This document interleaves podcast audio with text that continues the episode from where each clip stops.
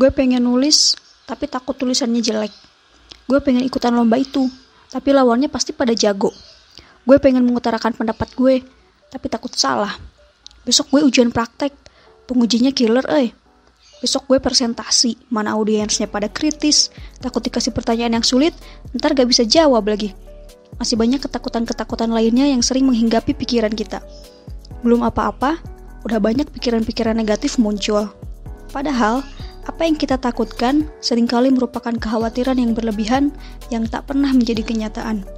Rasa takut itu manusiawi, tapi jangan biarkan perasaan itu menguasai diri kita. Kita harus memiliki keberanian untuk melumpuhkan ketakutan itu. Rasa takut tidak bisa dihilangkan, sama halnya dengan perasaan lainnya seperti bahagia, sedih, marah. Rasa takut juga merupakan bagian dari emosi manusia. Tapi kita bisa melumpuhkannya. Kita bisa mengalahkannya. Di antara rasa takut yang sering muncul pada diri kita biasanya diawali sejak masih menjadi siswa.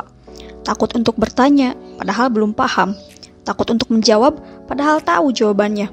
Takut untuk mengangkat tangan, padahal ingin maju ke depan. Dan jika dibiarkan, biasanya ketakutan itu akan terus mendominasi hingga kita dewasa. Takut menjadi A, takut melakukan B, Podcast ini ingin mengajak teman-teman untuk melumpuhkan rasa takut daripada melumpuhkan ingatan, iya nggak?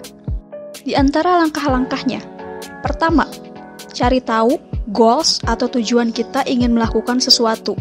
Jika ingin bertanya tapi takut, coba tanya pada diri sendiri, apakah pertanyaan ini sangat saya butuhkan jawabannya? Jika iya, dan jawabannya hanya bisa kita dapatkan saat itu juga, maka singkirkan semua pikiran dan tanamkan pikiran jika kita tak menanyakannya saat itu juga, kita akan menyesal. Jika ingin jadi penulis, ingin mengikuti lomba, ingin mengutarakan pendapat, tanya pada diri sendiri, apa tujuannya? Jika tujuannya benar, tanamkan pikiran bahwa segala sesuatu yang benar akan selalu mendapatkan pertolongan Tuhan. Jadi, jangan takut dan mulai aja dulu. Kedua, cari tahu apa yang membuat kita takut. Jika kita takut karena orang yang akan kita hadapi terkenal kurang baik, atau kalau di sekolah kita mengenalnya sebagai guru killer misalnya, percayalah, setiap manusia itu pada dasarnya baik. Kita hanya perlu menggali hatinya. Jadilah diri kita apa adanya, berlaku setulus mungkin, dan tunjukkan kemampuan atau penampilan terbaik kita. Buat orang itu terkesan. Jika kita takut akan komentar orang lain, tidak usah dipikirkan.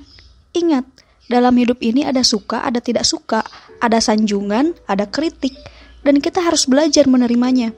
Kita harus terbiasa dengannya, karena sampai kapan pun kedua hal itu pasti ada dalam kehidupan ini. Terlalu banyak pujian tidak bagus, karena akan membuat kita malas untuk belajar dan berkembang. Dan kritik justru perlu agar kita terpacu untuk memperbaiki diri menjadi lebih baik lagi. Ketakutan lainnya biasanya adalah takut salah, takut kurang atau tidak sempurna. Justru, orang-orang hebat berawal dari ketidaksempurnaan. Jangan takut salah, karena ketika orang memberitahu kesalahan kita, darinya kita bisa belajar untuk memperbaikinya. Ketiga, selama kamu di jalur yang benar, perkataan orang jangan terlalu didengar. Lanjutkan saja. Kita hidup di dunia di mana selalu ada dua sisi. Tidak semua orang itu baik, dan tidak sedikit orang yang tak menyukai kebaikan. Saya pernah masuk ke sebuah lingkungan di mana ketika saya menolak untuk bersalaman dengan lawan jenis, seseorang memberikan kata-kata tajam sebagai sindiran. Tapi as muslim, di mana bersentuhan dengan non-mahram memang tidak diperbolehkan, ya saya acuhkan. Saya tidak mempedulikannya karena saya merasa saya benar. Teman saya juga pernah ada yang cerita, di sekolah tempat dia bekerja, rekan kerjanya ada yang bilang, jangan terlalu ketat mengawasi siswa saat ujian, Waktu itu saya bilang sama dia, ya kamu kan melakukan hal yang benar, kenapa mesti takut? Kenapa ragu? Lanjutin aja, kan memang tugas guru mendidik siswa, menanamkan kejujuran. Jadi, selama kita berada di jalur yang benar, gak usah takut. Memang akan ada aja godaannya, terutama lingkungan yang tidak mendukung. Tapi itulah tantangannya. Apakah kita mau ikut-ikutan atau tetap teguh pendirian? Ingat pada tujuan awal segala sesuatu yang benar akan selalu mendapatkan pertolongan Tuhan. Selanjutnya, mulai. Seringkali yang tersulit atau terberat adalah langkah untuk memulai. Dan biasanya musuh terbesar dalam memulai adalah malas dengan berbagai alasan apa pun. Jadi, setelah mendengarkan podcast ini, langsung terapkan. Jangan pikirkan segala hal yang mengkhawatirkan di masa depan. Kalau tidak dimulai sekarang, kesempatan itu bisa saja hilang, atau malah orang lain yang duluan. Kalau nggak mau ketinggalan, ayo, segera mulai. Lebih cepat kita memulai, lebih cepat kita tahu kesalahan dan kekurangan, maka lebih cepat kita belajar dan memperbaiki diri, lebih cepat kesempurnaan itu datang. Jangan menunggu orang lain, segera mulai dari sekarang. Last but not least, hadapi. Jika melakukan kesalahan atau dihadapkan pada sesuatu yang menantang atau tak sesuai harapan, sering kali rasanya ingin lari dari kehidupan, kabur dari kenyataan. Padahal, dari hal itu kita bisa belajar.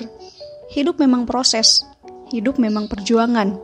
Jangan pernah memimpikan kesuksesan dan kebahagiaan jika tidak mau berjuang untuk menggapainya. Berakit-rakit ke hulu, berenang-renang ke tepian. Orang-orang sukses yang kita kenal saat ini adalah mereka yang bisa melumpuhkan ketakutannya. Matt Doherty mengatakan, My dad said to be happy in my life, realize how blessed I am to be in the situation I'm in, which of course I am. Nikmati saja semua fase hidup yang kita lalui. Lari itu melelahkan, apalagi lari dari kehidupan dan kenyataan. Jadi, hadapi saja. Don't let the fear of losing be greater than the excitement of winning kata Robert Kiyosaki. Saya Rani Syahreza dari podcast nih. Wassalamualaikum warahmatullahi wabarakatuh.